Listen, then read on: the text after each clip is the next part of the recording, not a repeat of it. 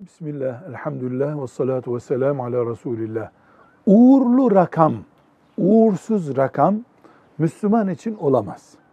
Çünkü Müslüman işini sağlam yapan, Allah'a hakkıyla tevekkül eden ve ondan sonrasına takılıp kalmayan insandır. 13 uğurludur, uğursuzdur. Müslümanın söyleyeceği söz değil.